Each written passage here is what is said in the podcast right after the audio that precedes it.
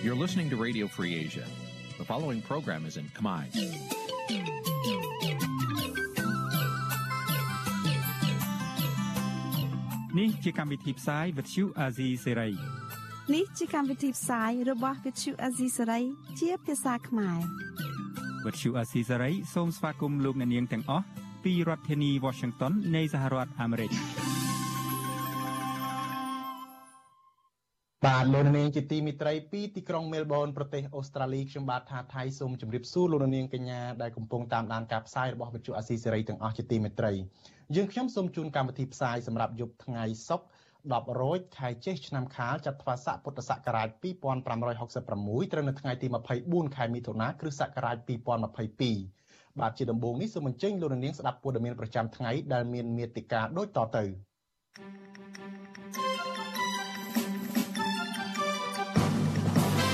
បកភ្លើងទៀនយល់ព្រមទទួលការកាត់សេចក្តីរបស់ស្ថាប័នបោះឆ្នោតលើបណ្ដឹងរបស់ខ្លួនទាំងគ្មានជំរឿនផ្សេង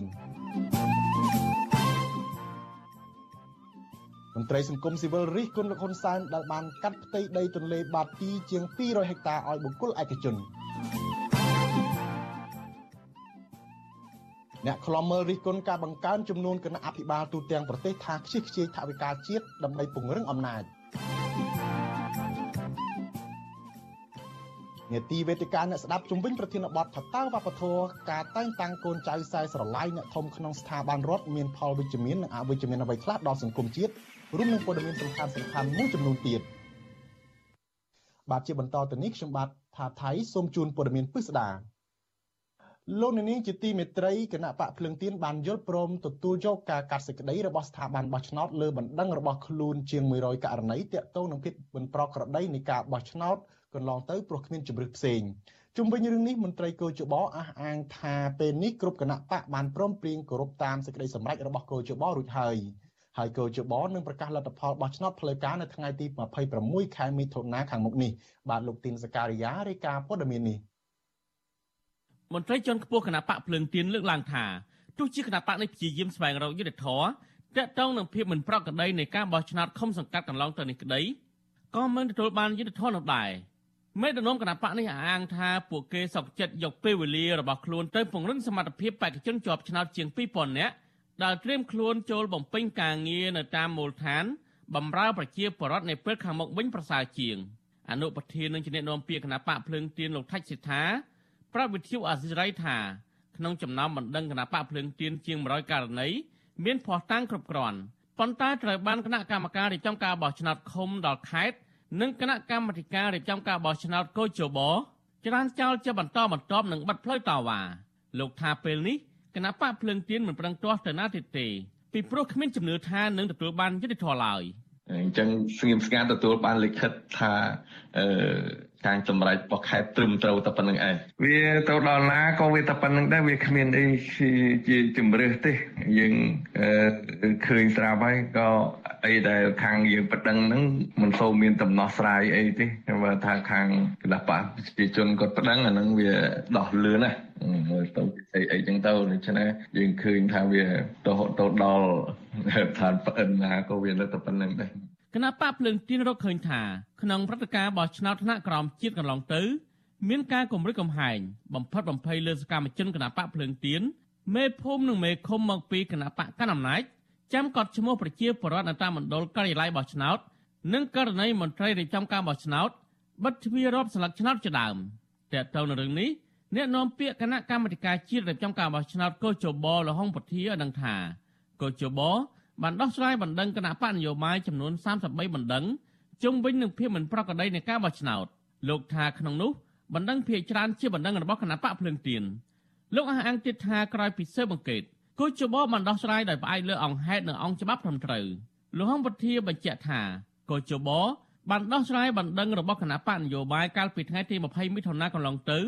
រួចរាល់អស់ហើយដឹកជាការបាត់ផ្លូវតវ៉ា ពាក្យមិនដឹងដែលជាច្រើនសរសេរថាណាសន្និដ្ឋានថាសង្ស័យថាមានការកំហែងសង្ស័យថាមានការចេះអញ្ចឹងណាអញ្ចឹងมันมันមានភាពច្បាស់លាស់ទេដែលសម័យខ្លួនក្នុងការចោតប្រកាន់គេអញ្ចឹងបន្ទាប់ពីធ្វើការស្រាវជ្រាវទៅនៅពេលដែលរកទៅឃើញថាมันមានអំពើទុច្ចរិតឬក៏ធ្វើឲ្យប៉ះពាល់ដល់អ្នកបោះឆ្នោតទេកោជបក៏សម្រេចទៅតាមហ្នឹងបង ចំពោះការរិះគន់របស់គណៈបកភ្លើងទៀនវិញ ដល់ថាស្ថាប័នរៀបចំការបោះឆ្នោតច្រានចោលបណ្ដឹងរបស់គណៈបកភ្លើងទៀនជាបន្តបន្ទាប់នោះលោកហុងពធាឆ្លើយតបថាមិនមែនគ្រប់បណ្ដឹងរបស់គណៈបកភ្លើងទៀនសុទ្ធតែត្រូវបានកោជបច្រានចោលទាំងអស់នោះទេជាក់ស្ដែងករណីសកម្មជនគណៈបកភ្លើងទៀនលោកគង់រាយាត្រូវបានកោជបច្រានចោលការសម្រេចរបស់គណៈកម្មការរៀបចំការបោះឆ្នោតខេត្តកំពង់ចាមទោះជាយ៉ាងណានាយកប្រតិបត្តិអង្គការឃ្លាំមើលការបោះឆ្នោតនៅកម្ពុជាហៅកាត់ថា Netflix លោកសំគុណធីមីសង្កេតឃើញថា ការដោះស្រាយបណ្ដឹងរបស់កោជបភាកច្រើនជាសវនាការអសាធារណៈដែលធ្វើឲ្យអង្គការសង្គមស៊ីវិលមិនអាចចូលឃ្លាំមើលបានមន្ត្រីឃ្លាំមើលការបោះឆ្នោតរំនេះយល់ថាដើម្បីឲ្យគ្រប់ភាគីជឿជាក់លើការដោះស្រាយរបស់កោជបកោជបគួរតែចូលលើគោលការណ៍ឯករាជ្យច្បាប់ដំណាភាព និងអនុញ្ញាតឲ្យគ្រប់ភាគីពាក់ព័ន្ធអាចចូលរួមឃ្លាំមើលបានចង់និយាយថាធ្វើឲ្យតម្លាភាពបើជានីតិវិធីហ្នឹង ផ្អែកទៅលើច្បាប់ហ្នឹងណាបាទកុំផ្អែកទៅលើនិន្នាការទាំងអស់យើងយកច្បាប់ពីគោលណាព្រោះស្ថាប័នធ្វើជាបោះជាស្ថាប័នមួយរៀបចំចាត់ផ្សាយការបោះឆ្នោតក្រៅពីគណៈបកភ្លឹងទៀនរកឃើញភាពមិនប្រក្រតីនៃការបោះឆ្នោតនេះដែរក្រុមអង្គការសង្គមស៊ីវិលចំនួន5ស្ថាប័នរកឃើញដែរថាការបោះឆ្នោតជ្រើសរើសសមាជិកក្រុមប្រឹក្សាឃុំសង្កាត់អាណត្តិទី5នេះកើតមានបញ្ហាជាច្រើនដែលបង្កឡើងដោយអាជ្ញាធរមូលដ្ឋាននិងកងកម្លាំងប្រដាប់អាវុធ របាយការណ៍របស់អង្គការសង្គមស៊ីវិលចុះផ្សាយកាលពីថ្ងៃទី7មិថុនាឲ្យដឹងថាអាជ្ញាធរមូលដ្ឋាន មានមេភូមិមេឃុំមន្ត្រីនគរបាល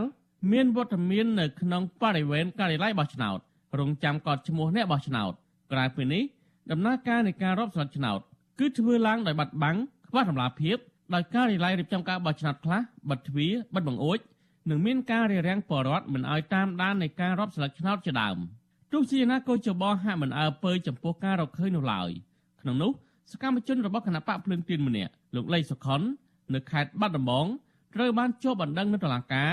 ពាក់ព័ន្ធនឹងការថតវីដេអូក្រុមអាជ្ញាធរមូលដ្ឋានមួយក្រុមដែលគាំទ្រគណៈបកកណ្ដាលអំណាចអង្គុយចាំកត់ឈ្មោះបរដ្ឋរបស់ឆ្នោតចំណែកឯអនុប្រធានគណៈបកភ្លឹងទៀនមួយរូបទៀតគឺលោកសុនឆៃ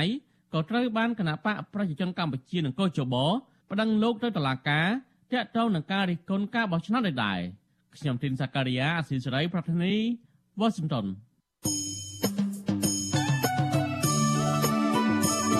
បាទលោកនាងជាទីមេត្រីដំណើរគ្នានឹងស្ដាប់ការផ្សាយរបស់វិទ្យុអស៊ីសេរីតាមបណ្ដាញសង្គម Facebook និង YouTube លោកនាងក៏អាចស្ដាប់កម្មវិធីផ្សាយរបស់វិទ្យុអស៊ីសេរីតាមរយៈរលកធាតុអាកាសខ្លីឬ Shortwave តាមកម្រិតនិងកម្ពស់ដូចតទៅនេះពេលព្រឹកចាប់ពីម៉ោង5កន្លះដល់ម៉ោង6កន្លះ តាមរយៈរលកធាតុអាកាសខ្លី12140 kHz ស្មើនឹងកម្ពស់ 25m និង13715 kHz ស្មើនឹងកម្ពស់ 22m ពេលយប់ចាប់ពីម៉ោង7កន្លះដល់ម៉ោង8កន្លះតាមរយៈរលកធាតុអាកាសខ្លី9960 kHz ស្មើនឹងកម្ពស់ 30m 12140 kHz ស្មើនឹងកម្ពស់ 25m និង11885 kHz ស្មើនឹងកម្ពស់ 25m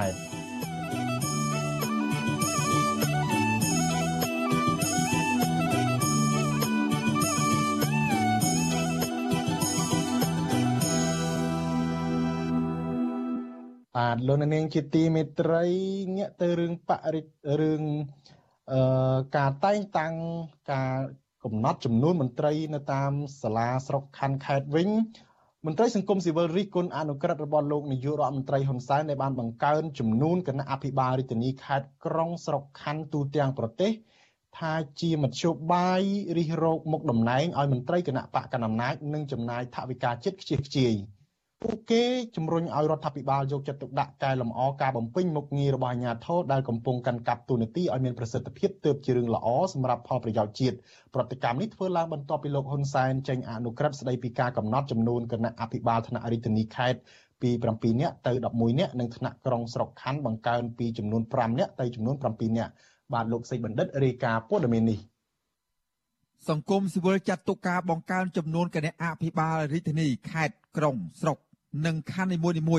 ឲ្យកាន់តែច្រើនថែមទៀតនោះគឺជាមធ្យោបាយចែកអំណាចគ្នាកាន់កាប់ដោយចំណាយថវិកាជាតិថែមទៀត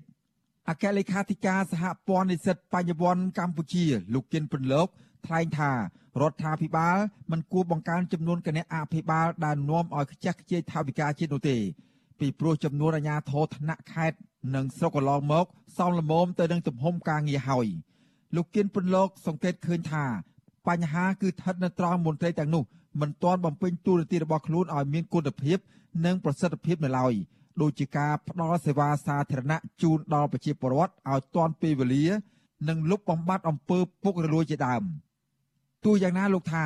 រឿងនេះទំនងជាតាក់ទងនឹងផលប្រយោជន៍នយោបាយរបស់គណៈបកកណ្ដាលអំណាចដែលរកមុខតំណែងចែកគ្នាកាន់កាប់ជាជាងការបម្រើផលប្រយោជន៍ជាក់ស្ដែងដល់ប្រជាពលរដ្ឋនៅតាមមូលដ្ឋាន។ តើនៅពេលដែលរដ្ឋាភិបាលក្បាលធំជាងខ្លួនហើយការចំណាយទៅលើមន្ត្រីរបស់ខ្លួនបែបនេះតើផលប្រយោជន៍ទទួលបានដល់ប្រជារាស្ត្រប្រមាណភាគរយចឹងខ្ញុំគិតថាផលប្រយោជន៍គឺទទួលបានដល់ប្រជាពលរដ្ឋនឹងគឺតិចតួចបំផុតហើយធ្វើឲ្យប្រជាពលរដ្ឋនឹងគឺកាន់តែក្រទៅក្រទៅតាមរយៈការគ្រប់គ្រងមួយដែលមានលក្ខណៈមិនល្អប្រសើរនៅក្នុងរដ្ឋបាលសាធារណៈហើយធ្វើឲ្យអំណាចរបស់រដ្ឋាភិបាលហ្នឹងគឺកាន់តែមានអំណាចខ្លាំងឡើងខ្លាំងឡើង ប្រតិកម្មនេះធ្វើឡើងបន្ទាប់ពីរដ្ឋាភិបាលលហ៊ុនសែនចេញអនុក្រឹត្យស្ដីពីការកំណត់ចំនួនគណៈអភិបាលរាជធានីខេត្តគណៈអភិបាលក្រុង ស្រុកខណ្ឌកាលពីថ្ងៃទី17ខែមិថុនាក្នុងនោះរដ្ឋាភិបាលបានសម្រេចបង្កើនចំនួនគណៈអភិបាលទាំង25រាជធានីខេត្តពីចំនួន7នាក់ទៅចំនួន11នាក់ស្មើគ្នា និងចំនួនគណៈអភិបាលក្រុង ស្រុកខណ្ឌបង្កើនពីចំនួន5នាក់ទៅចំនួន7នាក់ស្មើគ្នា កាលពីដើមខែមេសាគណៈរដ្ឋមន្ត្រីបានអនុម័តទាំងស្រុងលើសេចក្តីព្រាងច្បាប់ស្តីពីវិសោធនកម្មមាត្រា140នៃច្បាប់ស្តីពីការគ្រប់គ្រងរដ្ឋបាលរាជធានីខេត្តក្រុង ស្រុកនិងខណ្ឌដើម្បីបង្កើតចំនួនគណៈអភិបាលរាជធានីភ្នំពេញមានចំនួនយ៉ាងច្រើន11នាក់ គណៈអភិបាលខេត្តមានចំនួន7នាក់ទៅ11នាក់និងគណៈអភិបាលក្រុងស្រុកនិងខណ្ឌមានចំនួន5នាក់ទៅ7នាក់បន្ទាប់មកកាលពីថ្ងៃទី3ខែមិថុនាព្រះមហាក្សត្របានប្រកាសដាក់ឲ្យប្រើប្រាស់ច្បាប់នេះជាការប្រញាប់វិទ្យុអាស៊ីសេរីនៅពុំទាន់អាចតាក់ទងប្រធានអង្គភិបអ្នកណែនាំពីរដ្ឋាភិបាលលោកផៃស៊ីផានដើម្បីអធិប្បាយជុំវិញរឿងនេះបាននៅឡើយទេ នៅថ្ងៃទី24ខែមិថុនា នាយកប្រតិបត្តិអង្គការតម្លាភាពកម្ពុជាលោកពេជ្រពិសីថ្លែងថាការបង្កើនចំនួនគណៈអភិបាលត្រូវផ្អែកលើគោលបំណងជាក់លាក់ដើម្បីបង្កើតប្រសិទ្ធភាពនៅក្នុងការផ្តល់សេវាថ្នាក់ក្រោមជាតិឲ្យមានប្រសិទ្ធភាពជំរុញយន្តការអភិបាលកិច្ចល្អនៅថ្នាក់មូលដ្ឋាន និងជំរុញការកាត់បន្ថយអំពើពុករលួយ គឺជារឿងល្អប្រសើរប៉ុន្តែមន្ត្រីសង្គមស៊ីវិលរូបនេះមើលឃើញថា បច្ចុប្បន្នចំនួនគណៈអភិបាលរាជធានីខេត្តក្រុងស្រុកខណ្ឌ គឺមានចំនួនច្រើនហើយ ដោយមិនចាំបាច់បន្ថែមទៀតនោះទេព្រោះការពង្រីកក្បាលម៉ាស៊ីនដឹកនាំថ្នាក់ក្រោមច្រើនពេកធ្វើឲ្យប៉ះពាល់ដល់ទំហំថវិកាជាតិដែលមានតិចតួចសម្រាប់យកទៅវិនិយោគសាធារណៈកសាងហេដ្ឋារចនាសម្ព័ន្ធសំខាន់សំខាន់ដើម្បីជំរុញល្បឿនសេដ្ឋកិច្ចនិងការលូតលាស់អាជីវកម្មជាដើមលោកពេជ្រពិសីបញ្ជាក់ថាករណីនេះរដ្ឋាភិបាលគ្រាន់តែពង្រឹងយន្តការអនុវត្ត ទូនីតិតាមបែបប្រជាធិបតេយ្យដែលមានស្រាប់ជាពិសេសការសម្រេចចិត្តដោយផ្ដល់ប្រយោជន៍ពលរដ្ឋនិងសាធារណៈកន្លងមកយើងដឹងហើយថាយើងមានគណៈអភិបាលច្រើនរួចទៅហើយខ្ញុំគិតថាគ្រប់គ្រាន់នៅក្នុងការដឹកនាំប៉ុន្តែរឿងសំខាន់សួរថាតើយន្តការនៃការធានានៅការសម្រេចចិត្តរបស់គណៈអភិបាល តាមបែបលទ្ធិជាតិបតៃហ្នឹងមានបណ្ណាបាទព្រោះគណៈអភិបាលគាត់មានសិទ្ធិធំនៅក្នុងការរៀបចំយុទ្ធសាស្ត្រខេត្តការដឹកនាំអនុវត្តកម្មវិធីរបស់ខេត្តផ្សេងៗកន្លងមកដូចជា មានការចែងទូនាទីនិងសិទ្ធិអំណាចជាក់លាក់ប៉ុន្តែការអនុវត្តនៅមានកម្រិតស្រដៀងគ្នានេះដែរប្រធានអង្គការសម្ព័ន្ធគណនេយ្យភាពសង្គមកម្ពុជា លោកសនជ័យលើកឡើងថាករណីនេះលោកមើលឃើញនៅទស្សនវិជ្ជា2គឺទី1ផ្នែកអភិបាលកិច្ច ដើម្បីជួយអន្តរាគមន៍ជូនដល់ប្រជាពលរដ្ឋបន្ថែមទៀតប៉ុន្តែចំណុចនេះលោកថារដ្ឋាភិបាលគួរសម្រេចផ្អែកទៅលើប្រជាសាស្ត្រនិងតម្រូវការជាក់ស្ដែងនៅតាមរាជធានីខេត្តនីមួយៗដោយមិនត្រូវកំណត់ចំនួនច្រើនបែបនេះទេចំណែកទស្សនវិជ្ជានយោបាយវិញលោកមើលឃើញថាសេចក្តីសម្រេចរបស់រដ្ឋាភិបាលជៀសបំផុតពីការរិះគន់នោះទេព្រោះកន្លងទៅមន្ត្រីទាំងនោះមិនទាន់ចែកដាច់រវាងការងារគណៈបកនិងមុខងារសាធារណៈ ដែលធ្វើឲ្យការបំពេញការងារមានភាពមិនត្រឹមត្រូវនិងខ្វះចន្លោះខេត្តណាដែលមានប្រជាពលរដ្ឋច្រើនការបង្កើនចំនួនអាសនៈគណៈអភិបាលហ្នឹងគឺមិនអីទេប៉ុន្តែខេត្តណាដែលមានប្រជាពលរដ្ឋតិចហើយជាខេត្តដែលមានរដ្ឋបាលមិនសូវស្មុគស្មាញគឺចំនួនគួរតែមានការកំណត់ទៅតាមតម្រូវការនិងភាពជាក់ស្ដែងដែរមិនមែនចេះតែកំណត់ចំនួនទៅច្រើននោះទេ កន្លងមកមន្ត្រីសង្គមស៊ីវិលមើលឃើញថាប្រសិទ្ធភាពការងារដឹកនាំរដ្ឋពីថ្នាក់ជាតិរហូតដល់ថ្នាក់ក្រោមជាតិមិនអាស្រ័យលើបរិមាណនោះទេតែត្រូវយកចិត្តទុកដាក់ពិនិត្យលើគុណភាពដោយមិនត្រូវបង្កើនទូរទីនិងមុខតំណែងច្រើនរកកន្លែងអង្គុយគ្មាននោះទេប៉ុន្តែត្រូវការអនុវត្តស្របតាមមូលដ្ឋានគ្រឹះនៃលទ្ធិប្រជាធិបតេយ្យនិងបម្រើដល់ផលប្រយោជន៍ប្រជាពលរដ្ឋនិងសង្គមផ្ទុយទៅវិញរដ្ឋាភិបាលលោកហ៊ុនសែន តែងតែរងការរិះគន់ពីការធ្វើច្បាប់ជាបន្ទាន់និងប្រញាប់ដើម្បីឆ្លើយតបទៅនឹងការចង់បាន ក្នុងការបន្តក្រាញអំណាច ជាពិសេសដើម្បីបែងចែកអំណាច និងទូរទីទៅដល់មន្ត្រី និងបកពួករបស់គណៈបកកណ្ដាលអំណាចតែប៉ុណ្ណោះខ្ញុំបាទសេកបណ្ឌិតវិទ្យុអាស៊ីសេរីពីរដ្ឋធានីវ៉ាស៊ីនតោន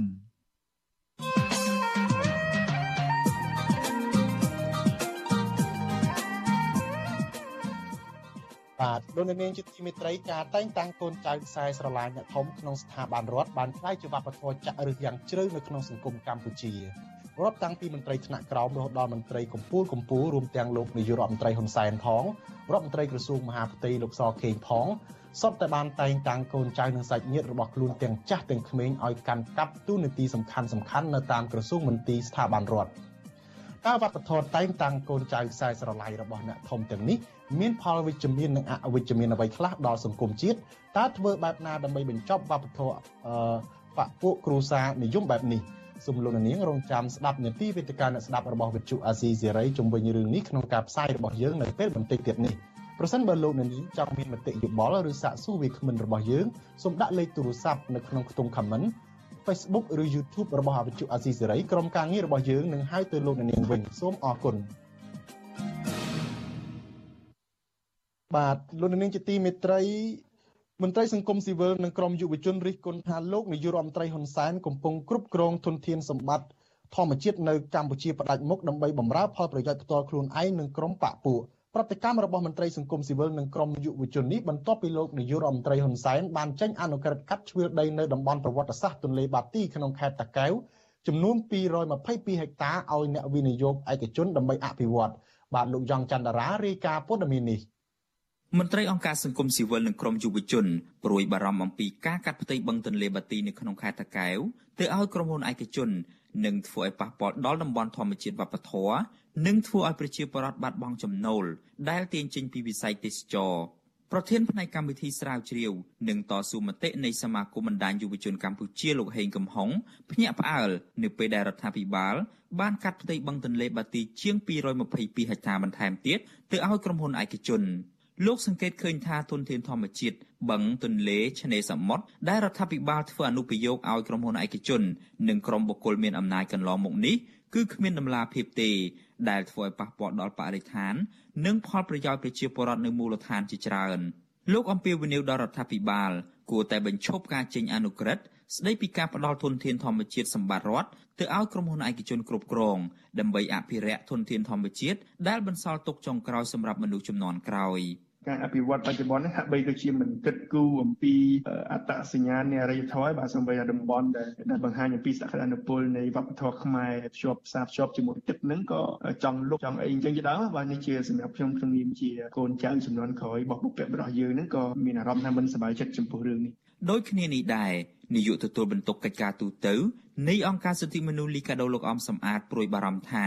ការកាត់ជ្រឿលដីនៅតំបន់ទន្លេបាទីទៅឲ្យអ្នកវិនិយោគនេះនឹងធ្វើឲ្យប៉ះពាល់ដល់តំបន់បឹងអភិរក្សប្រសិនបើស្ថាប័នពាក់ព័ន្ធខ្វះដំណាភាពនិងមិនអនុញ្ញាតឲ្យប្រជាពលរដ្ឋចូលរួមធ្វើសេចក្តីសម្រេចជាអតិភិបពីគម្រោងអភិវឌ្ឍន៍នេះ។ នៅទន្លេបន្ទាយក៏យើងមានប្រាសាទបុរាណផងដែរសម្រាប់អភិរក្សឲ្យបានល្អ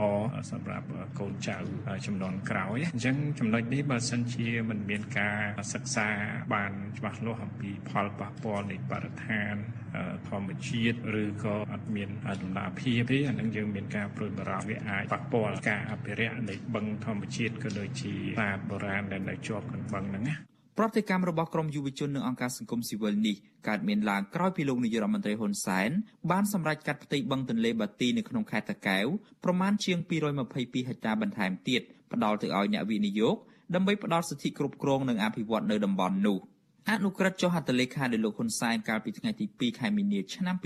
2022និងទើបតែត្រូវបានផ្សព្វផ្សាយកាលពីពេលថ្មីៗនេះបង្ហាញថាតំបន់ទន្លេបាទីត្រូវបានបែងចែកជាពីរផ្នែកសំខាន់សំខាន់ ដោយក្នុងនោះមួយផ្នែករក្សាទុកជាសម្បត្តិរដ្ឋនិងមួយផ្នែកទៀតរដ្ឋប្រគល់ឲ្យឯកជនសម្រាប់អភិវឌ្ឍផ្ទៃបឹងទន្លេបាទីដែលរដ្ឋាភិបាលបានរក្សាទុកនោះមានទំហំជិត100ហិកតាដោយស្ថិតនៅទីតាំងចំនួន2ក្នុងនោះផ្ទៃបឹងប្រមាណជាង57ហិកតាស្ថិតនៅក្នុងស្រុកបាទីខេត្តតាកែវនិងផ្ទៃបឹងជាង39ហិកតាទៀតស្ថិតនៅក្នុងស្រុកកណ្ដាលស្ទឹងខេត្តកណ្ដាលដោយឡែកផ្ទៃបឹងធម្មជាតិនៃទីភូមិសាស្ត្រទន្លេបាទី ប្រមាណជាង222ហិកតាលោកហ៊ុនសែនបានសម្រេចកាត់ជ្រៀលទៅឲ្យបុគ្គលម្នាក់ឈ្មោះស្រុនប៊ុនលៀបគ្រប់គ្រងជាកម្មសិទ្ធិឯកជនសម្រាប់ធ្វើការអភិវឌ្ឍទោះជាយ៉ាងណាគម្រោងអភិវឌ្ឍនៅលើផ្ទៃបឹងទន្លេបាទីប្រមាណជាង222ហិកតារបស់បុគ្គលឈ្មោះស្រុនប៊ុនលៀបនេះរដ្ឋាភិបាលនិងក្រសួងបរិស្ថានមិនទាន់បានបញ្ចេញរបាយការណ៍វិតម្លៃផលប៉ះពាល់បរិស្ថាន និងផលអវិជ្ជមានចំពោះប្រជាពលរដ្ឋមូលដ្ឋាននៅឡើយទេ វិទ្យុអាស៊ីសេរីមិនទាន់អាចតាក់ទងអ្នកនាំពាក្យក្រសួងរៀបចំដែនដីលោកសេងលូតអ្នកនាំពាក្យក្រសួងបរិស្ថានលោកណេតភត្រានិងបុគ្គលឈ្មោះស្រុនប៊ុនលៀបដើម្បីសូមអត្ថាធិប្បាយជុំវិញរឿងនេះបានទេនៅថ្ងៃទី24មិថុនាជុំវិញរឿងនេះគណៈបកប្រជាធិបតេយ្យមូលដ្ឋាន បានលើកឡើងនៅក្នុងទំព័រ Facebook របស់ខ្លួនថាសម្បីតែទន្លេបាទីដែលជាតំបន់ប្រវត្តិសាស្ត្រក៏ត្រូវបានគេស្នើលុបដើម្បីផលប្រយោជន៍ឯកជនដែរ គណៈបកប្រជាធិបតេយ្យមូលដ្ឋានខកចិត្តចំពោះអនុក្រឹត្យរបស់លោកហ៊ុនសែនដោយគណៈបកនេះស្នើឲ្យរដ្ឋាភិបាលអភិរក្សនិងអភិវឌ្ឍទន្លេបាទីឲ្យក្លាយជាតំបន់ទេសចរធម្មជាតិវប្បធម៌ប្រវត្តិសាស្ត្រដែលជួយដល់ការរកប្រាក់ចំណូលរបស់សហគមន៍មូលដ្ឋាន និងការលំហែសុខភាពរបស់ប្រជាពលរដ្ឋតកតងទៅនឹងរឿងនេះដែរប្រធានមជ្ឈមណ្ឌលប្រជាពលរដ្ឋដើម្បីអភិវឌ្ឍនិងសន្តិភាពលោកយងកឹមអេងសោកស្ដាយចំពោះរដ្ឋាភិបាល ដែលចេញអនុក្រឹត្យផ្ដល់សិទ្ធិឲ្យក្រុមហ៊ុនឯកជនក្នុងការគ្រប់គ្រងនៅតំបន់ទន្លេបាទីដែលជាតំបន់អភិរក្សលោកលើកឡើងថានៅកម្ពុជា មានតំបន់ជាច្រើនសម្រាប់អភិវឌ្ឍដូច្នេះលោកថារដ្ឋាភិបាលមិនគួរផ្ដល់សិទ្ធិដល់អ្នកវិនិយោគលើតំបន់អភិរក្សបឹងទន្លេបាទី ដែលប្រឈមការចាក់ដីលុបធ្វើឲ្យបាត់បង់អត្តសញ្ញាណវប្បធម៌នោះឡើយ។ ខ្ញុំមានការព្រួយបារម្ភទន្លេបាទីដែលជាកន្លែងដែលផ្ដល់ប្រភពទឹកមួយសំខាន់ដែលនឹងអាចនឹងបាត់បង់ថ្ងៃក្រោយហើយវាអាចប៉ះពាល់ដល់ប្រាសាទបុរាណនៅទីនោះផងដែរបាទនេះជារឿងមួយសំខាន់បឹងផ្សេងផ្សេងការលុបនោះវាគួរឲ្យសោកស្ដាយហើយផលប៉ះពាល់អវិជ្ជមានរួចទៅហើយសម្រាប់ជាពលរដ្ឋសម្រាប់ទន្លេបាទីខ្ញុំថាมันគួរនឹងមានករណីកាត់ជ្រៀលនោះកើតឡើងទេបាទ រមណីយដ្ឋានផ្ទៃបឹងទន្លេបាទីស្ថិតនៅក្នុងស្រុកបាទីខេត្តតាកែវគឺជារមណីយដ្ឋានមួយដែលប្រជាពលរដ្ឋចាត់ទុកថាជាតំបន់ពោពេញដោយសក្តានុពល និងជាទីសក្ការៈគោរពបូជាព្រមទាំងមានប្រាង្គប្រាសាទចំនួន2ស្ថិតនៅទិសខាងលិចនៃផ្ទៃបឹងទន្លេនេះក្រៅពីនេះផ្ទៃបឹងទន្លេបាទីលាតសន្ធឹងចាប់ពីស្រុកបាទីដល់ស្រុកកណ្ដាលស្ទឹងខេត្តកណ្ដាលដែលមានទទឹងជាង1000ម៉ែត្រនិងបណ្ដោយជាង7000ម៉ែត្រដែលជាអាងស្តុកទឹក នៅក្នុងការទ្រទ្រង់ប្រាង្គប្រាសាទប្រវត្តិសាស្ត្រ លើសពីនេះទៅទៀតតំបន់ទន្លេបាទីក៏ជាតំបន់ដែលសម្បូរដោយធនធានជីវៈចម្រុះនិងពពួកមច្ឆាដែលប្រជាពលរដ្ឋជាច្រើនគ្រួសារអាស្រ័យផល ពីរបរនេសាទសម្រាប់ផ្គត់ផ្គង់ជីវភាពគ្រួសារមន្ត្រីអង្គការសង្គមស៊ីវិលប្រួយបារម្ភថាភូមិសាស្ត្រតំបន់អភិរក្សវប្បធម៌មួយនេះអាចនឹងប្រឈមរងផលប៉ះពាល់និងបាត់បង់ផ្ទៃបឹងមួយចំនួនក្រោមរូបភាពជាការអភិវឌ្ឍនៅថ្ងៃអនាគតខ្ញុំយ៉ងច័ន្ទដារាវិទ្យុអាស៊ីសេរីរាយការណ៍ពីរដ្ឋធានី Washington បាទលោកនាងជាទីមេត្រីតកតងនឹងរឿងចំនួនដីធ្លីវិញម្ដងប្រជាពលរដ្ឋរស់នៅក្បែរបឹងតាម៉ោកស្ថិតនៅភូមិសំរោងត្បូងសង្កាត់សំរោងខណ្ឌព្រែកភ្នៅរាជធានីភ្នំពេញបដិញ្ញាតស៊ូស្លាប់លើដីមិនព្រមចោះចេញពីលំនៅឋាននោះទេពួកគាត់បានតវ៉ាកាលពីថ្ងៃទី23ខែមិថុនាដើម្បីជំទាស់នឹងអាជ្ញាធរដែលមានគម្រោងបណ្ដេញពួកគាត់ មន្ត្រីសិទ្ធិមនុស្សជំរុញឲ្យអាជ្ញាធរដោះស្រាយតាមសំណុំពររបស់ពលរដ្ឋដោយមិនត្រូវប្រើវិធានការបណ្ដេញពួកគាត់ចេញពីលំនៅឋានដោយបង្ខំនោះទេ បាទលោកជាតិចំណានរាយការណ៍ព័ត៌មាននេះប្រជាពលរដ្ឋប្រមាណជាង200គ្រួសាររស់នៅក្នុងភូមិសំរោងត្បូងខណ្ឌព្រែកភ្នៅជាប់នឹងបឹងតាមុកអង្វរដល់អាជ្ញាធរនឹងលោករដ្ឋមន្ត្រីហ៊ុនសែនថាពួកគាត់មិនចង់ចាក់ចេញពីកន្លែងដែលរស់នៅសប្តាហ៍ថ្ងៃនោះទេហើយក៏មិនចង់បានសំណងអ្វីជាដុំកំភួនដែរគ្រាន់តែចង់បានសិភើស្នាក់នៅនិងបានកម្មសិទ្ធិដីធ្លីប៉ុណ្ណោះ ប្រជាពលរដ្ឋជិត100នាក់កាលពីថ្ងៃទី23ខែមិថុនាបាននាំគ្នាប្រមូលផ្ដុំឈរលើបដានិងរូបថតលោកហ៊ុនសែននិងភរិយារបស់លោកនៅក្នុងសហគមន៍របស់ពួកគេដើម្បីទាមទារទៅអាជ្ញាធរខណ្ឌព្រែកភ្នៅឲ្យបញ្ឈប់គម្រោងបណ្ដេញពួកគាត់ទៅទីតាំងថ្មី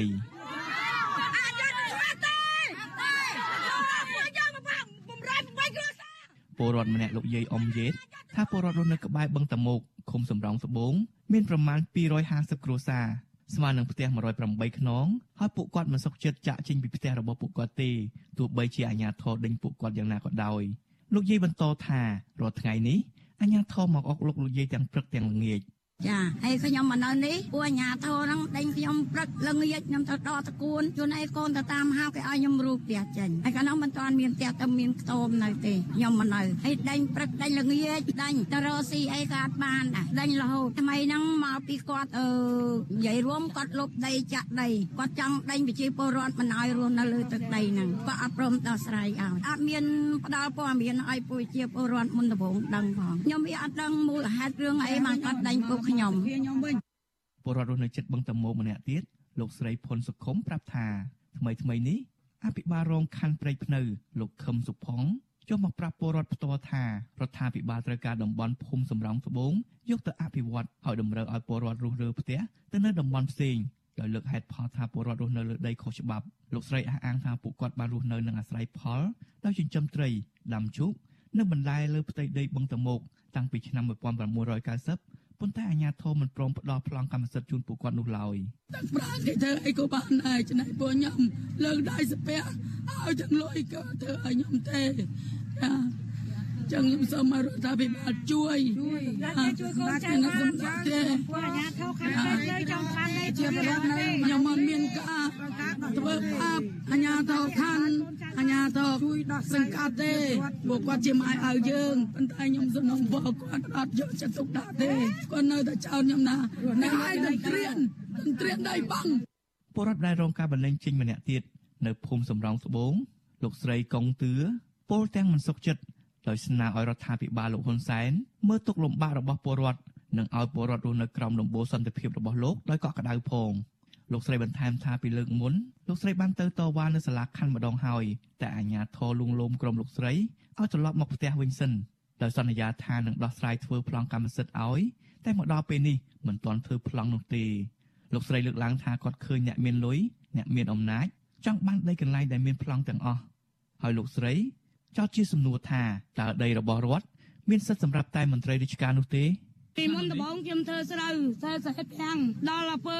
ទឹកគេបំទឹកដាក់ទៅខ្ញុំបានធ្វើជាសងត្រីទិញទួចកូនអាជីវកម្មនៅក្នុងហ្នឹងប៉ុន្តែខ្ញុំឆ្ងល់ថាអញ្ចេះពីមុនមកខ្ញុំនៅដូចជាធម្មតាចាក់ដីចាក់អីបានប៉ុន្តែធំនឹងគេកើតផ្សារនេះខំមិនឲ្យធ្វើផ្ទះធ្វើសបែងអីមកហើយបើបាក់ជើងសសរមួយឲ្យខ្ញុំធ្វើជើងសសរមួយឲ្យជិះធំជួជុលចោលជួមកជួណាប៉ាំងផ្ទះប៉ាំងសបែងខ្ញុំអស់លីងហើយខ្ញុំខ្ញុំឆ្ងល់អញ្ចេះទៀតខ្ញុំឆ្ងល់ថាបរិយមិនចេះហេតុអីគេធ្វើលើមាត់បឹងបានលើមាត់បឹងហើយមានអស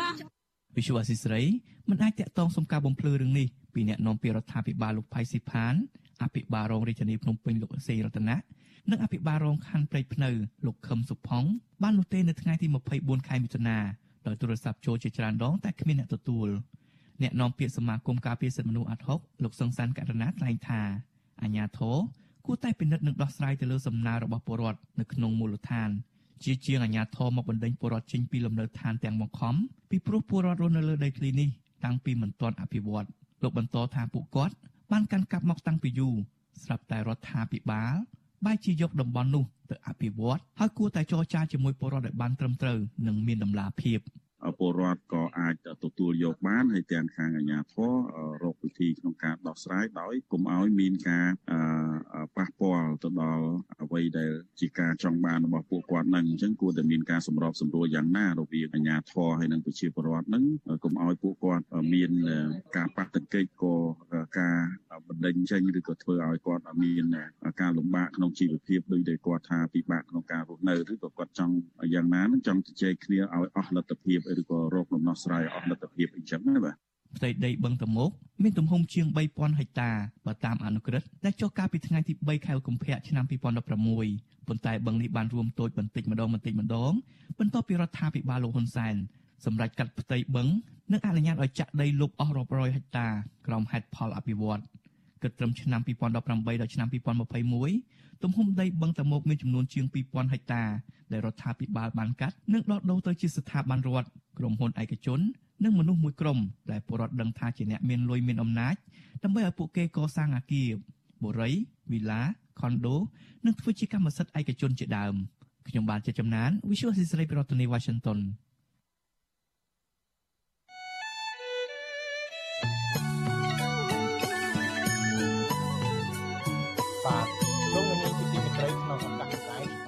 ថ្លែងអំណរគុណដល់លោកនាងកញ្ញាទាំងអស់ដែលតែងតែមានកិត្តិយសចំពោះការផ្សាយរបស់យើងហើយចាត់ទុកការស្ដាប់របស់វិទ្យុអស៊ីសេរីជាផ្នែកមួយនៃសកម្មភាពប្រចាំថ្ងៃរបស់លោកនាងការគ្រប់គ្រងរបស់លោកអ្នកទាំងនេះហើយដែលធ្វើឲ្យយើងខ្ញុំមានទឹកចិត្តកាន់តែខ្លាំងថែមទៀតក្នុងការស្វែងរកដល់ព័ត៌មានជូនលោកនាងមានអ្នកស្ដាប់ទស្សនាកាន់តែច្រើនកាន់តែធ្វើឲ្យយើងខ្ញុំភាពស្វាហាប់ពុតជាបន្តទៅទៀតយើងខ្ញុំសូមអរគុណទុកជាមុនហើយសូមអញ្ជើញលោកនាង ចូលរួមជំរុញឲ្យសកម្មភាពផ្តល់ព័ត៌មានរបស់យើងនេះកាន់តែជោគជ័យបន្ថែមទៀតលោកនាងអាចជួយយើងខ្ញុំបានដោយគ្រាន់តែចុចចែករំលែកឬ share ការផ្សាយរបស់យើងនៅលើបណ្ដាញសង្គម Facebook និង YouTube ទៅកាន់មិត្តភ័ក្តិដើម្បីឲ្យការផ្សាយរបស់យើងបានទៅដល់មនុស្សកាន់តែច្រើនសូមអរគុណ បាទលោកនាងជាទីមន្ត្រីប្រជាពលរដ្ឋនៅរាជធានីភ្នំពេញត្អូញត្អែពីបញ្ហាទឹកលិចពេលមានភ្លៀងធ្លាក់ដែលបង្កផលប៉ះពាល់ដល់ការរស់នៅនិងប្រកបមុខរបរផ្សេងៗព្រមទាំងខូចខាតសម្ភារៈជាដើមសកម្មជននិងអង្គការដែលធ្វើការនៅបរិស្ថានមើលឃើញថាបញ្ហាទឹកលិចនៅក្រុងភ្នំពេញក្នុងរយៈពេលប្រមាណឆ្នាំចុងក្រោយនេះបណ្ដាលមកពីការលុបបង្កដែលនៅក្បែរក្រុងនិងទុកដាក់សម្រាប់មិនបានត្រឹមត្រូវបាទលោកនាងនឹងបានស្ដាប់ព័ត៌មាននេះនៅព្រឹកស្អែក បាទជាបន្តទៅទៀតនេះសូមអញ្ជើញលោកនាងស្ដាប់នីតិវិទ្យាអ្នកស្ដាប់របស់វិទ្យុអាស៊ីសេរីដូចតទៅ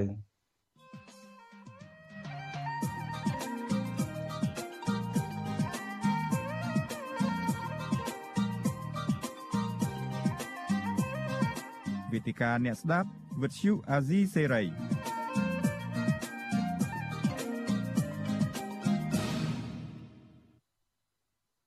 បាទជំរាបសួរលោកនាងជាថ្មីម្ដងទៀតការតែងតាំងកូនចៅខ្សែស្រឡាយអ្នកធំនៅក្នុងស្ថាប័នរដ្ឋបានคล้ายជាវប្បធម៌ចាក់ឫសយ៉ាងជ្រៅនៅក្នុងសង្គមកម្ពុជា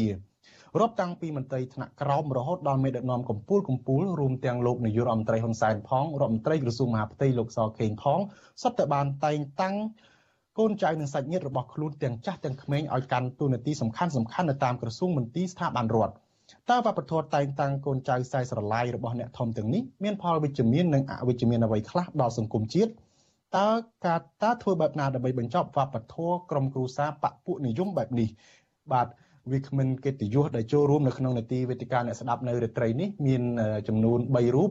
គឺទី1មានវត្តមានរបស់អាដាមសុកអេសានអ្នកនាំពាក្យគណៈបកប្រជាជនកម្ពុជាហើយទី2គឺ កញ្ញាលីស្រីស្រស់ដែលជាអ្នកវិភាគវ័យក្មេងហើយទី3គឺអ្នកសិក្សាផ្នែកច្បាប់គឺលោកវុនច័ន្ទលូតសូមជម្រាបសួរលោកទាំង3បាទបាទជម្រាបសួរបាទជម្រាបសួរលោកតែតាបាទបាទអរគុណច្រើនអ្នកទាំង3ដែលបានចំណាយពេលវេលាចូលរួមជាមួយយើងនៅក្នុងរាត្រីនេះបាទអឺតកតងទៅនឹងករណីដែលការតែងតាំងខ្សែស្រឡាយកូនចៅអ្នកធំនេះយើងឃើញថានៅក្នុងពេលបច្ចុប្បន្ននេះមន្ត្រីកម្ពុជាកម្ពុជារបស់គណៈបកប្រជាជនកម្ពុជាជាទូទៅបើយើងឃើញថាមានឪពុកឬក៏ម្ដាយជាតំណាងរាស្ត្រឬក៏ប្រធានស្ថាប័នឬក៏មន្ត្រីជាន់ខ្ពស់នៅកន្លែងណាមួយគឺយកកូននិងក្មួយសាច់ញាតិដាក់ឲ្យកាន់តំណែងក្រមអាវ៉ាត់របស់ខ្លួនឬក៏កន្លែងខ្លាំងណាមួយដែរ ជាក់ស្ដែងយើងឃើញថាបើគិតអំពីលោកនាយករដ្ឋមន្ត្រីហ៊ុនសែនវិញគឺថាកូនកូនរបស់លោកទាំង3នាក់រួមមានលោកហ៊ុនម៉ាណីជាសមាជិកសភាផងហើយក៏មានទូនាទីជាប្រធានគណៈកម្មការទី7នៃរដ្ឋសភាទទួលបន្ទុកខាងអប់រំយុវជនកីឡានិងទេសចរធម្មការនិងសាសនានិងវប្បធម៌ចំណែកឯអាដាមហ៊ុនម៉ាណែតវិញលោកជាឧត្តមសេនីយ៍ផ្កាយ3កាន់តួនាទីជាអគ្គបញ្ជាការរងកងយុទ្ធពលខេមរៈភូមិន្ទជាបញ្ជាការកងទ័ពជើងគោកនិងជាបញ្ជាការកងកម្លាំងពិសេសប្រឆាំងភេរវកម្មនិងជាមេបញ្ជាការកងអង្គរៈរបស់ពុកលោកផ្ទាល់តែម្ដងពេលនេះលោកហ៊ុនសែនក៏កំពុងតែជួយជ្រោងកូនប្រុសរបស់លោកគឺអាដាមហ៊ុនម៉ាណែតឲ្យក្លាយជានាយករដ្ឋមន្ត្រីបន្តវេនពីលោកផងដែរចំណែកឯកូនប្រុសរបស់លោកម្នាក់ទៀតគឺអាដាមហ៊ុនម៉ាណិតវិញគឺជាមន្ត្រីជាន់ខ្ពស់កងទ័ពដែលកាន់ខាងផ្នែកចារកម្មគណៈកូនប្រសាររបស់លោកវិញក៏ មានទូនាទីសំខាន់សំខាន់ដែរដូចជាលោកឌីវិជាដែលត្រូវជាស្វាមីរបស់អ្នកស្រីហ៊ុនម៉ាណែតគឺជាអគ្គស្នងការរងនគរបាលជាតិនិងជាប្រធាននាយកដ្ឋានកណ្ដាលសន្តិសុខគណៈកូនប្រសាររបស់លោកម្នាក់ទៀតគឺលោកសុកពុទ្ធិវុឌ្ឍត្រូវជាស្វាមីរបស់លោកស្រីហ៊ុនម៉ាលីសគឺជារដ្ឋលេខាធិការក្រសួងប្រៃសណីនិងទូរគមនាគមន៍និងជាប្រធានក្រុមប្រឹក្សាពិបាលទូរគមនាគមន៍កម្ពុជានិងជាប្រធានសហព័ន្ធស្រីអង្គកម្ពុជាផង បើនិយាយអំពីករណីគ្រូសាររបស់រដ្ឋមន្ត្រីក្រសួងមហាផ្ទៃលោកសខេងវិញលោកមានកូនប្រុសឈ្មោះលោកសសុខាឡើងតំណែងជារដ្ឋលេខាធិការក្រសួងអប់រំកូនប្រុសពៅឈ្មោះសរដ្ឋាមានឋានៈ ស័កជាឧត្តមសេនីយ៍ឯកផ្កាយ3និងក្មួយក្មួយរបស់លោកក៏ជាមន្ត្រីជាន់ខ្ពស់ប៉ូលីសដែររីឯលោកសាយឈុំជាប្រធានព្រឹទ្ធសភាមានកូនប្រុសឈ្មោះសាយសំអាលជារដ្ឋមន្ត្រីក្រសួងបរិស្ថានស្របពេលប្រធានរដ្ឋសភាលោកហេងសំរិនមានកូនប្រសាឈ្មោះវងសូតជារដ្ឋមន្ត្រីក្រសួងសង្គមគិច្ចហើយលោកស៊ុយសែមរដ្ឋមន្ត្រីរាយនឹងធម្មពលមានកូនប្រុសឈ្មោះស៊ុយឌីម៉ង់គឺជារដ្ឋលេខាធិការក្រសួងដែរក្រសួងរាយនឹងធម្មក្រសួងនោះដែរហើយទន្ទឹមគ្នានឹងអង្គភាពប្រចាំងពើពុកលួយរបស់លោកអមយុនទៀងក៏មានកូន 2នាក់របស់លោកចូលឈ្មោះនៅក្នុងការងារនោះដែរគឺមានលោកយិនទៀងពុទ្ធិរិទ្ធនិងយិនទៀងពុទ្ធិរាជាជំនួយការនៃអង្គភាពមួយនេះដែលមានឋានៈស្មើរដ្ឋលេខាធិការនិងអនុរដ្ឋលេខាធិការដោយឡែកកូនប្រុសរបស់លោកទាបាញ់ គឺរដ្ឋមន្ត្រីក្រសួងការពារជាតិគឺលោកទាសីហាត្រូវបានតែងតាំងជាអភិបាលខេត្តសៀមរាបគណៈលោកស្រីមិថុនាភូថងជាកូនលោកយុទ្ធភូថងខ្ល้ายជាអភិបាលខេត្តកោះកុងតពីឪពុកលោកជាចន្ទតោអគ្គទេសាភិបាលធនាគារជាតិនៃកម្ពុជាមានកូនស្រីម្នាក់ឈ្មោះជាសេរីជាអគ្គនាយកបច្ចេកទេសនៃស្ថាប័ននេះអឺ និន្នាការបែបនេះក៏មានដែរនៅស្ថាប័ននីតិបញ្ញត្តិដោយថ្នាក់ដឹកនាំរដ្ឋសភាភាគច្រើនមានកូនចៅឬសាច់សាលោហិតរបស់ពួកគេបម្រើការនៅក្នុងស្ថាប័ននោះតែម្ដងអ្នកទាំងនោះមានជាអាចដូចជាអនុប្រធានទី1រដ្ឋសភាលោកងួនញ៉ិលមានកូនប្រុសម្នាក់ឈ្មោះងួនរាសីគឺជានាយកគុតការឡៃរបស់លោកផ្ទាល់ឯអគ្គនាយករងរដ្ឋសភាលោកមិត្តការ៉េនមានសាច់ញាតិជាច្រើនរាប់ទាំងប្រពន្ធកូននិងគ្រួសាររបស់លោកផងសុទ្ធសឹងតែធ្វើការនៅក្នុងរដ្ឋសភាដែរក្រៅពីនេះនៅនៅក្រសួងធនធានទឹកវិញក៏តែងតាំងមុខតំណែងកូនស្រីរបស់លោក គឺលោកលឹមគិនហៅមានកូនស្រីលឹមលីនដាជារដ្ឋលេខាធិការនិងកូនប្រុសលឹមកាន់ពេរ៉ាជារដ្ឋអនុរដ្ឋលេខាធិការក្រសួងធនធានទឹកនិងអតុនិយមហើយលោកអុករ៉ាប៊ុនរដ្ឋមន្ត្រីក្រសួងអភិវឌ្ឍជនបទក៏តែងតាំងកូនប្រុសឈ្មោះអុកពញាជារដ្ឋលេខាធិការក្រសួងជាមួយឪពុកដែរបាទនៅក្នុងស្ថាប័នតឡាការជាពិសេសតឡាការយោធាតែម្ដងគឺថាមានកូនប្រពន្ធ ច្រើនដែរនៅក្នុងនឹងក្រសួងពលរដ្ឋក៏មានដូចគ្នាដែរបាទហើយថ្មីថ្មីនេះទៀតសោតក៏មានករណីតែងតាំងច្រើនដែរដូចជាករណីរដ្ឋមន្ត្រីក្រសួងការងារលោកអ៊ិតសំហេងនឹងគឺមានកូនប្រុសរបស់លោកគឺលោកសំហេងបរោះត្រូវបានតែងតាំងជារដ្ឋមន្ត្រីប្រតិភូអមនាយករដ្ឋមន្ត្រីបន្ថែមលើងារមុខងារបច្ចុប្បន្នដែលជារដ្ឋលេខាធិការក្រសួងសង្គមគិច្ចបាទទន្ទឹមនឹងនេះក៏មាននាយឧត្តមសេនីយ៍នឹងជាអគ្គវិជាការសេនាធិការចម្រុះនៃ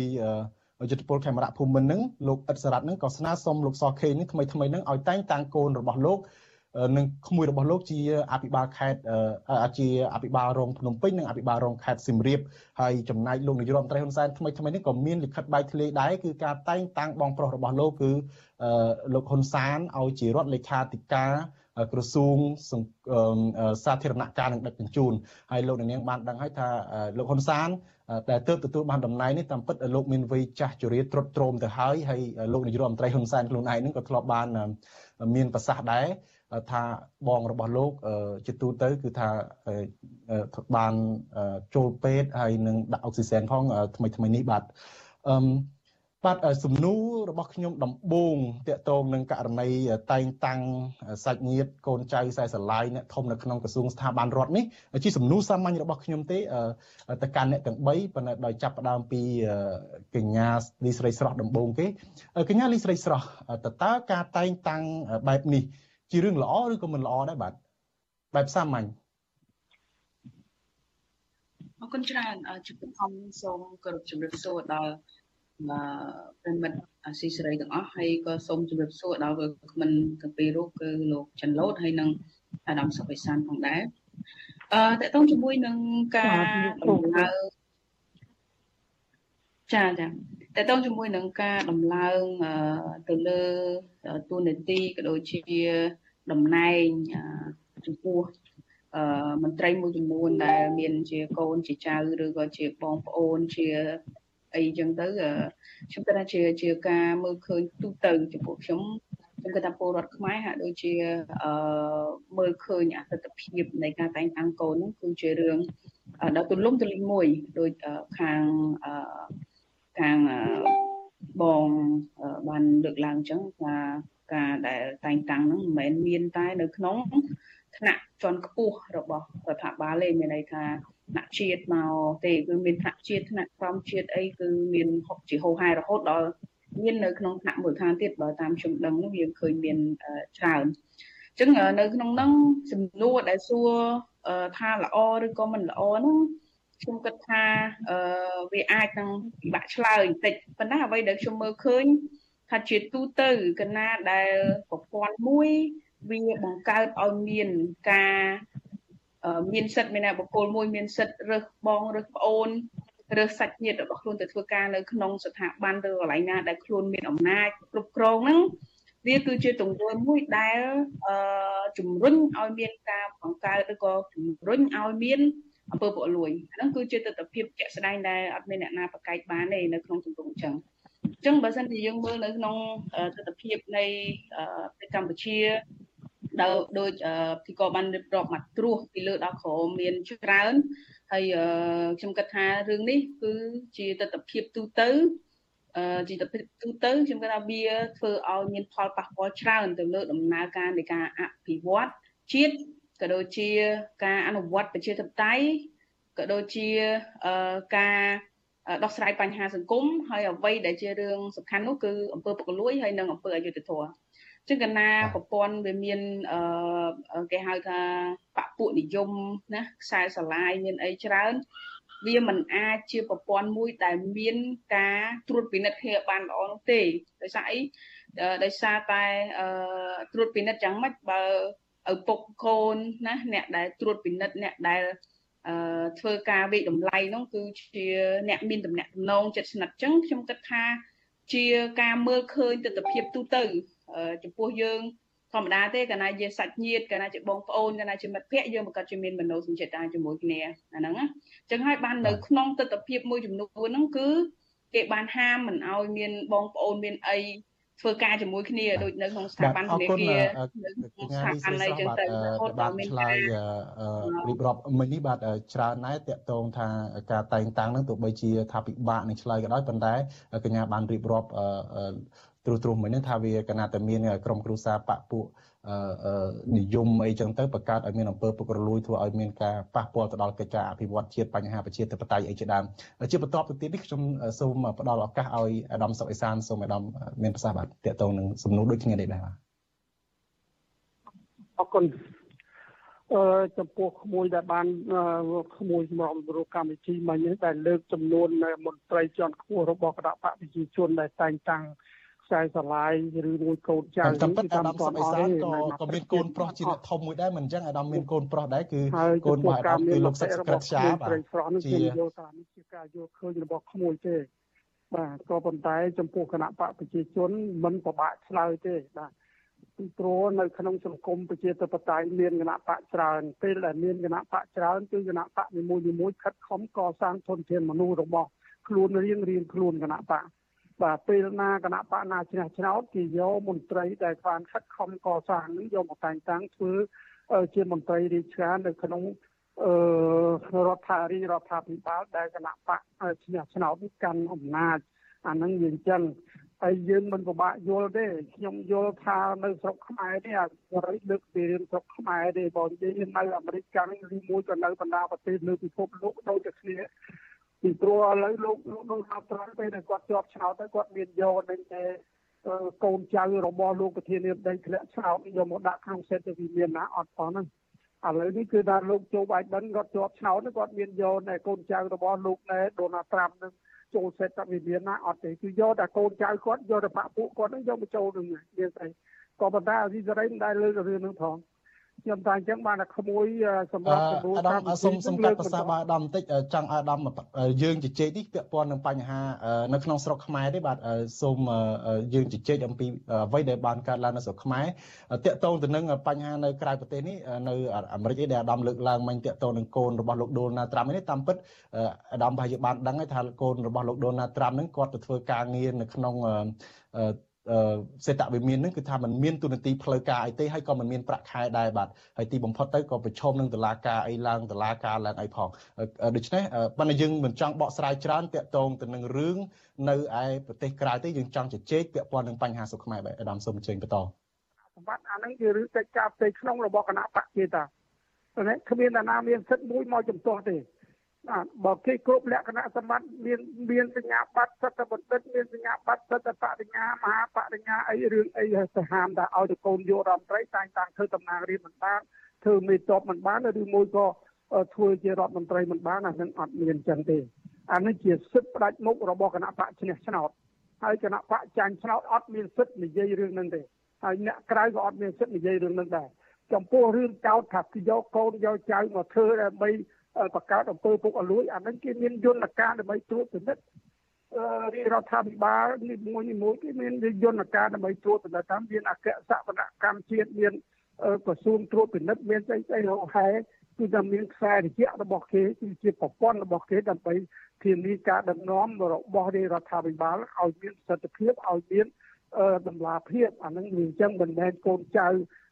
របស់គណៈបកមួយដែលជាប់ឆ្នោតហើយទៅធ្វើអីឲ្យតែកូនចៅសិតតែពុកអលួយទាំងអស់ហ្នឹងមិនមែនអញ្ចឹងទេបាទបើអញ្ចឹងមិនមែនធានាបាននៅការដឹកនាំគ្រប់គ្រងប្រទេសរាប់សិបឆ្នាំមកទេអានឹងសុំកុំឲ្យមើលខ្មៅពេកអានឹង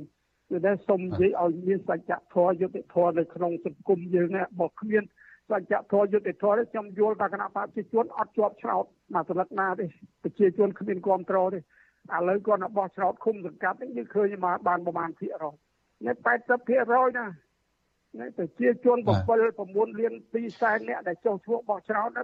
7លាន8លានអ្នកទៅបោះឆ្នោតហើយគណៈបកប្រជាជនបានប្រមាណភាគរយ80%ទៅនេះអញ្ចឹងខ្ញុំយល់ថាត្រឡប់មកវិញសរុបសេចក្តីមកគណៈបកណាក៏ដោយ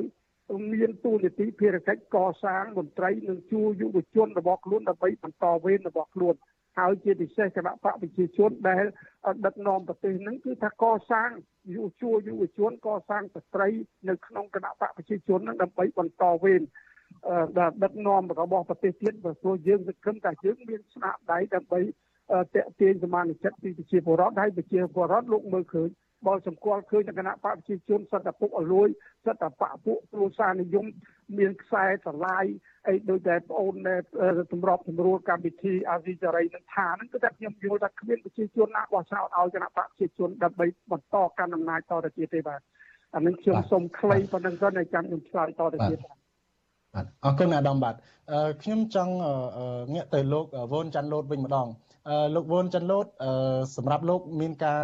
យល់ឃើញបែបម៉េចដែរចំពោះការតែងតាំងកូនចៅខ្សែស្រឡាយរបស់អ្នកធំនេះសំណួរដូចគ្នានឹងតើល្អឬក៏មិនល្អហើយដូចលោកបានលើប្រសាសន៍របស់អាដាមសុកអេសានហើយមិញនេះលោកថាគណៈបកគេនេះគឺថាគណៈបកប្រជាជនកម្ពុជាមានសិទ្ធិក្នុងការជ្រើសតាំងចាត់ចែងការងារនឹងឲ្យមន្ត្រីឲ្យឬក៏ឲ្យ សាច់ញាតិរបស់ខ្លួននឹងធ្វើព្រោះបានបណ្ដោះបណ្ដាលឲ្យចេះដឹងមានសមត្ថភាពមានអីហើយដូចគ្នាទៅនឹងប្រសាសន៍របស់លោកនាយករដ្ឋមន្ត្រីហ៊ុនសែនកាលពីថ្ងៃទី27ខែឧសភាដែរលោកថាបើមិនឲ្យកូនលោកធ្វើធំតើឲ្យកូនលោកធ្វើចៅឬក៏យ៉ាងណាអឺដូច្នេះលោកច័ន្ទលូតតើអឺការដែលតែងតាំងនឹងវាប៉ះពាល់អីបែបណាដែរ ចំពោះបញ្ហាសង្គមជាតិរបស់យើងបាទជាពិសេសយើងអត់និយាយអំពីគណៈបកចាញ់ឆ្នោតអីតវ៉ាទេយើងសម្រាប់ពលរដ្ឋទូទៅវិញតើតើវាបាត់ឱកាសសម្រាប់ជាពលរដ្ឋយុវជនអីទេបាទសូមអញ្ជើញបាទបាទអរគុណច្រើនលោកថែថាវដែលបានផ្ដល់កិត្តិយសហើយនឹងសូមគោរពអាដាមសុខិសាននិងជំរាបសួរកញ្ញាឌីស៊ីស្រស់បាទសម្រាប់សម្រាប់ករណីនេះខ្ញុំមើលឃើញនៅ ទស្សនវិជ្ជាមួយចំនួនប៉ុន្តែគាត់តែខ្ញុំចង់ឆ្លោះបញ្ចាំងតកតងទៅនឹងវប្បធម៌សម្រាប់កម្ពុជាយើងអាចនិយាយបានវាចូលលក្ខណៈជាវប្បធម៌ទៅហើយនៅក្នុងការតែងតាំងកូនចៅខ្សែស្រឡាយនៅក្នុងជួរនៃស្ថាប័នរដ្ឋហ្នឹងបាទហើយជាពិសេសគឺនៅក្នុងមុខតំណែងធំធំហ្នឹងគឺសិតសឹងតែជាកូនចៅនៃអ្នកដឹកនាំប្រទេសសពថ្ងៃហ្នឹង ការឆ្លុះបញ្ចាំងទី1ខ្ញុំមើលឃើញថាជាការមិនទុកចិត្តទៅកាន់ទៅកាន់ប្រជាពលរដ្ឋចំពោះប្រជាពលរដ្ឋពីព្រោះយើងមើលឃើញថាកម្ពុជាជាប្រទេសប្រជាធិបតេយ្យហើយការផ្លាស់ប្ដូរមេដឹកនាំអីគឺអាស្រ័យទៅលើប្រជាពលរដ្ឋបានន័យថាប្រជាពលរដ្ឋជាអ្នកសម្រេចជោគវាសនានៃនៃនៃតំណែងនេះហ្នឹងបាទ ហើយចំណុចមួយទៀតខ្ញុំសូមបាក់វងកញ្ចក់បន្តិចដែរខ្ញុំឯកភាពចំពោះអាយដាមសុបៃសានដែលបានលើកឡើងថាវាគ្មានច្បាប់ឯណាចែងមិនអោយអ្នកកាន់អំណាចអ្នកឈ្នះឆ្នោតតែងតាំងកូនចៅរបស់ខ្លួនហើយជាដើមហ្នឹងបាទខ្ញុំឯកភាពហើយខ្ញុំក៏មើលឃើញថាតែពិតនៅក្នុងរបៀបដូចសពថ្ងៃនេះការតែងតាំងនេះបើយើងនិយាយបើប្រទេសជាតិស្ថិតនៅក្នុងស្ថានភាពអ៊ូអាប់ឬក៏ស្ថានភាពដែល កំពុងតែមាននៅការបាញ់បោះអីខ្ញុំគិតថាក្នុងការរបៀបនៃការដឹកនាំបច្ចុប្បន្នវាអាចប្រសើរដោយសារតែតកតូនទៅនឹងការសម្រេចចិត្តវាអាចងាយស្រួលបើសិនជាយើងមើលរបៀបនៃការដឹកនាំបែបបែបនេះណាវាធ្វើឲ្យការសម្រេចចិត្តគឺលឿនណាស់មិនសូវជាពិបាកប្រហែលទេអឺប៉ុន្តែខ្ញុំនឹងលើកឡើងចំណុចហ្នឹងនៅវគ្គបន្តបន្ទាប់ខ្ញុំធ្វើការឆ្លុះបញ្ចាំងហើយហើយចំណុចទី2ខ្ញុំមើលឃើញថា ហាក់ដូចជាមានការប្រជែងឥទ្ធិពលគ្នា នៅក្នុងជួរនៃអ្នកដឹកនាំដូចយើងឃើញថាចាប់តាំងអំពីការបែកអឺបបខ្មែរក្រហមមកនៅក្នុងជួរនៃរដ្ឋាភិបាលបន្តបន្តតែងតែមានការប្រជែងឥទ្ធិពលគ្នាជាដរាបហ្នឹងបាទហើយដូចយើងឃើញថាមានខ្សែខាងសម្ដេចជាស៊ីមមានខាងសម្ដេចពេញសំរិនខាងសម្ដេច ហ៊ុនសែនឬក៏សម្ដេចសាយឈុំ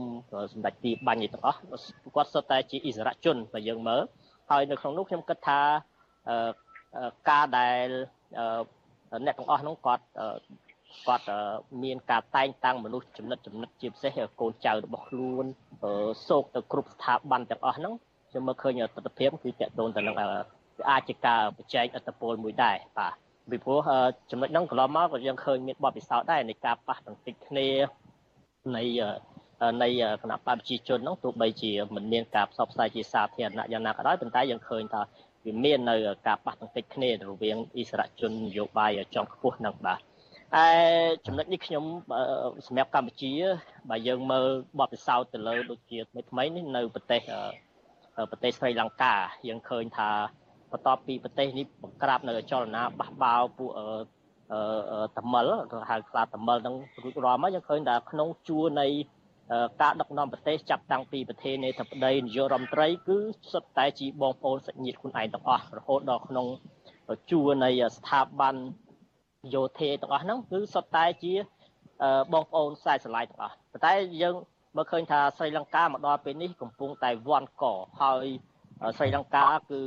កំពុងធ្លាក់ទៅក្នុងវិបត្តិធ្ងន់ធ្ងរណាស់រហូតដល់សពថ្ងៃនេះសឹងតែចាយទៅដល់លុយដែលហៅថាប្រាក់បំរុងទុកហ្នឹងគឺចាយសឹងអស់ថែមទៅទៀតហើយក្នុងនោះក៏សម្រាប់លក់កំពង់ផែដែលចិនបានផ្ដល់កម្ចីសង្កង់លក់ទៅឲ្យចិនរហូតដល់សឹងតែលក់កំពង់ផែធំទី2ហ្នឹងអឺទៅឲ្យចិនថែមទៀតផងប៉ុន្តែបានជប៉ុនហើយនិងឥណ្ឌាជួយទប់នៅក្នុងការមិនឲ្យកំពង់ផែធ្លាក់ក្នុងដៃចិនប៉ុ ន្តែបើយើងមើលអំពីការបះបោពីប្រជាពលរដ្ឋវិញខ្ញុំសូមបន្ថែមតិចខ្ញុំខ្ញុំមើលឃើញវាជាចំណុចល្អដែរយើងមើលឃើញថាប្រជាពលរដ្ឋកំពុងតែចាប់ផ្ដើមមិនពេញចិត្តទៅនឹងការដឹកនាំបែបហ្នឹងដែលធ្វើឲ្យមានអនុភាពថវិកាឬក៏វាធ្វើឲ្យសេដ្ឋកិច្ចធ្លាក់ដុនដាបសឹងតែ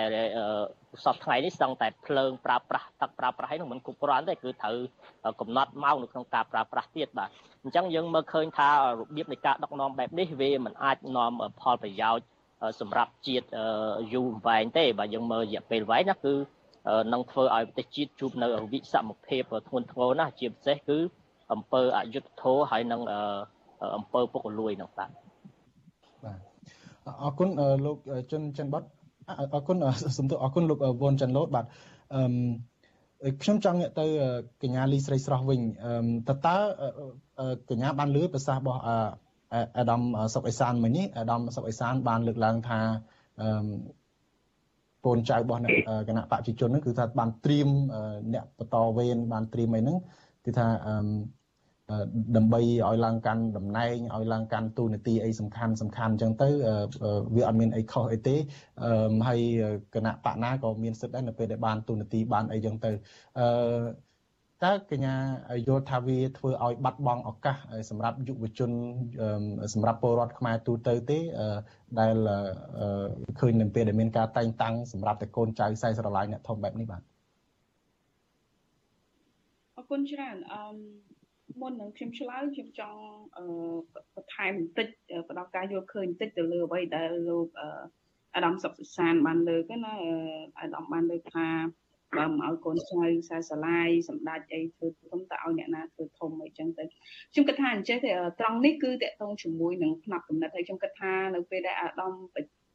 ចែករំលែកលើផ្នែកកំណត់អាហ្នឹងបានយើងមើលឃើញអំពីផ្នែកកំណត់របស់អ្នកចំនួនមុននិងអ្នកចំនួនក្រោយហ្នឹងគឺមានទស្សនវិជ្ជាខុសគ្នាជាការមើលឃើញយើងគិតថាការដែលឲ្យឱកាសដែរដែលយកកូនចៅខ្លួនឯងទៅធ្វើ កិច្ចការងារធំដុំហ្នឹងអានឹងខ្ញុំអត់និយាយគណៈបព្វជិជនទេតែខ្ញុំនិយាយនៅពេលដែលមានទួនាទីនៅក្នុងរដ្ឋាភិបាលអញ្ចឹងនៅពេលដែលមានអាហ្នឹងអញ្ចឹងវាជំរុញឲ្យមានការប្រព្រឹត្តអំពើពុករលួយមានការយកយល់គ្នាទៅវិញទៅមកអញ្ចឹងទៅអញ្ចឹងខ្ញុំគិតថាអានេះវាគឺជាទស្សនៈរបស់មនុស្សជំនាន់មុនបើខ្ញុំមើលទៅថាអារឿងទាំងអស់ហ្នឹងអារឿងដែលយកកូនចៅទៅធ្វើធំហ្នឹងគឺជារឿងធម្មតាប៉ុន្តែនៅក្នុងបរិបទមួយនៅក្នុងបរិបទមួយ មានន័យថាគេចង់ឲ្យប្រព័ន្ធមួយមានតម្លាភាពគេត្រូវធ្វើយ៉ាងម៉េចកុំឲ្យមានទំនាក់ទំនងបងប្អូនកូនចៅសាច់ញាតិហ្នឹងនៅក្នុងរបៀបដឹកនាំរដ្ឋច្រើនពេកអានេះខ្ញុំអត់និយាយរឿងគណៈបព្វជិជនទេព្រោះគណៈបព្វជិជនអឺលោកមានសិទ្ធិសម្រេចខ្លួនឯងថាឲ្យអ្នកណាធ្វើអាហ្នឹងខ្ញុំមិនមិនមិននិយាយទេប៉ុន្តែខ្ញុំនិយាយនៅពេលដែលគណៈបព្វជិជនបានទទួលនៅការឈ្នះឆ្នោតអីជាដើមអញ្ចឹងទៅហើយ ដឹកនាំទូនាទីនៅក្នុងរដ្ឋាភិបាលដែលយើងមើលឃើញនៅក្នុងរចនាសម្ព័ន្ធថ្នាក់ជាតិធំធំហ្នឹងគឺសុទ្ធតែមានខ្សែស្រឡាយបងប្អូនអាហ្នឹងគឺជាចំណុចដែលសំខាន់ហើយចំពោះគោលគំនិតខ្ញុំគិតថាអាចថាជាគំនិតរបស់យុវជនឬក៏អ្នកចំនួនក្រោយហ្នឹងគឺយើងធ្វើម៉េចជៀសវាងកុំឲ្យមានអតិថិភាពអស់ហ្នឹងព្រោះវាអាចឈានទៅដល់ការប្រព្រឹត្តអំពើពុករលួយផ្សេងៗហើយដូចខ្ញុំបានបញ្ជាក់ពីខាងដើមអញ្ចឹងថានៅក្នុងស្ថាប័នធនាគារផងគឺគេ ហាមឃាត់មិនឲ្យសឹងតែប្តីប្រពន្ធធ្វើការជាមួយគ្នាអាហ្នឹងអ្នកធ្វើការធនាគារអាចនឹងដឹងអញ្ចឹងអាកន្លែងហ្នឹងវាគឺជាអឺគឺជាយន្តការមួយសំខាន់នៅក្នុងការទប់កុំឲ្យមានការប្រព្រឹត្តអំពើពុករលួយឬក៏ការស៊ីសំណុកសុកប៉ាន់នៃដើមចឹងទៅហើយបើសិនជាខ្ញុំចាំមិនខុសទេនៅក្នុងឆ្នាំ2012ដល់ឆ្នាំ2021ប្រទេសកម្ពុជាគឺបានបន្ទុកត្រឹមតែ20ទៅដល់23បន្ទុកតែប៉ុណ្ណឹងអញ្ចឹងនៅលើ100បន្ទុកអញ្ចឹងបើយើងមើលអំពីស្ថានភាពនៃអំពើពុករលួយហ្នឹង ក៏មិនល្អប្រហែលដែរអាហ្នឹងគឺជាទស្សនវិជ្ជាកញ្ញាលីស្រីស្រស់តើតើករណីដែលមានខ្សាច់ញាតិខ្សែស្រឡាយនៅក្នុងស្ថាប័នរដ្ឋច្រើននឹងបង្កើតឱកាសប្រព្រឹត្តអំពើពុករលួយអីច្រើនហ្នឹងតើគេអាចប្រព្រឹត្តបែបណាដែរក្នុងពីមុនមកយើងឃើញជួនកាលបើយើងឮថារបៀបថាសំណែនសំណោកអីហ្នឹងគឺថានៅពេលដែលឪឡើងជាប្រធានស្ថាប័នហ្នឹង កូននៅក្នុងនឹងដែរហ្នឹងគឺថាតែងតែអ្នកណាចង់បានអីហ្នឹងកូនហ្នឹងរត់ការឲ្យអីចឹងទៅហើយនៅក្រមប្រកបហ្នឹងមន្ត្រីនៅក្រមប្រកបហ្នឹងឃើញហ្នឹងអ្នកខ្លះផ្សេងហ្នឹងក៏មិនហ៊ានតវ៉ាមិនហ៊ានប្រកែកទេខ្លាចមានរឿងក៏សងំទ្រាំទូលថ្មទូលទុកអីចឹងទៅតើតើក្នុងករណីពើពុករលួយនេះកញ្ញាអាចបញ្ជាក់លម្អិតគេអាចប្រព្រឹត្តបែបម៉េចដែលគេបារម្ភថានៅពេលដែលមានការតែងតាំងខ្សែសាច់យុទ្ធអ្នកធំអីហ្នឹងនៅក្នុងទូនាទីសំខាន់សំខាន់ទូនាទីសម្រាប់ចិត្តហ្នឹងបាទ ជាទូទៅអំពើពុករលួយយើងដឹងជារួមយើងគ្រាន់តែចង់សម្ដៅថាជាការសុកលុយយើងគិតថាប៉ុណ្ណឹងអស់ហើយប៉ុន្តែធៀបពិតអំពើពុករលួយហ្នឹងគឺមិនត្រឹមតែជាការសោកលុយទេទីមួយគឺវាអឺតកតងជាមួយការសុកលុយអាហ្នឹងខ្ញុំលើកឡើងទីពីរគឺតកតងជាមួយនឹងការរំលោភអំណាចរំលោភអំណាចទីពីរគឺតកតងជាមួយនឹងទំនាស់ផលប្រយោជន៍អញ្ចឹងណាអញ្ចឹងនៅក្នុងទម្រង់នៃអំពើពុករលួយហ្នឹងមិនមែនគ្រាន់តែរឿងលុយកាក់ឯងមានន័យថាជាការរំលោភអំណាចជាការតែងតាំងកូនចៅអីឲ្យឡើងធំដោយមិនអនុវត្តទៅតាមគោលការណ៍នីតិវិធីលក្ខន្តិកៈហ្នឹងគឺស្ថិតតែជាទម្រង់នៃអំពើពុករលួយទាំងអស់អញ្ចឹងនៅក្នុងនៅក្នុងចំណុចនេះបើយើងមើលថាតើនៅក្នុងទស្សនវិជ្ជាយ៉ាងម៉េចនៅពេលដែលមានខ្សែស្រឡាយចូលធ្វើកិច្ចការងារអញ្ចឹងទៅតើគេអាចប្រព្រឹត្តអំពើពុករលួយយ៉ាងណា ឥឡូវយើងមើលនៅក្នុងទម្រង់ខ្លះនៃការប្រព្រឹត្តអំពើពុករលួយដែលវាអាចនឹងកើតមានឡើងខ្ញុំឧទាហរណ៍ថានៅក្នុងការដេញថ្លៃសាងសង់អីផ្លូវថ្នល់ផ្សេងផ្សេងនៅតាមបណ្ដាខេត្តស្រុកខណ្ឌអីចឹងទៅ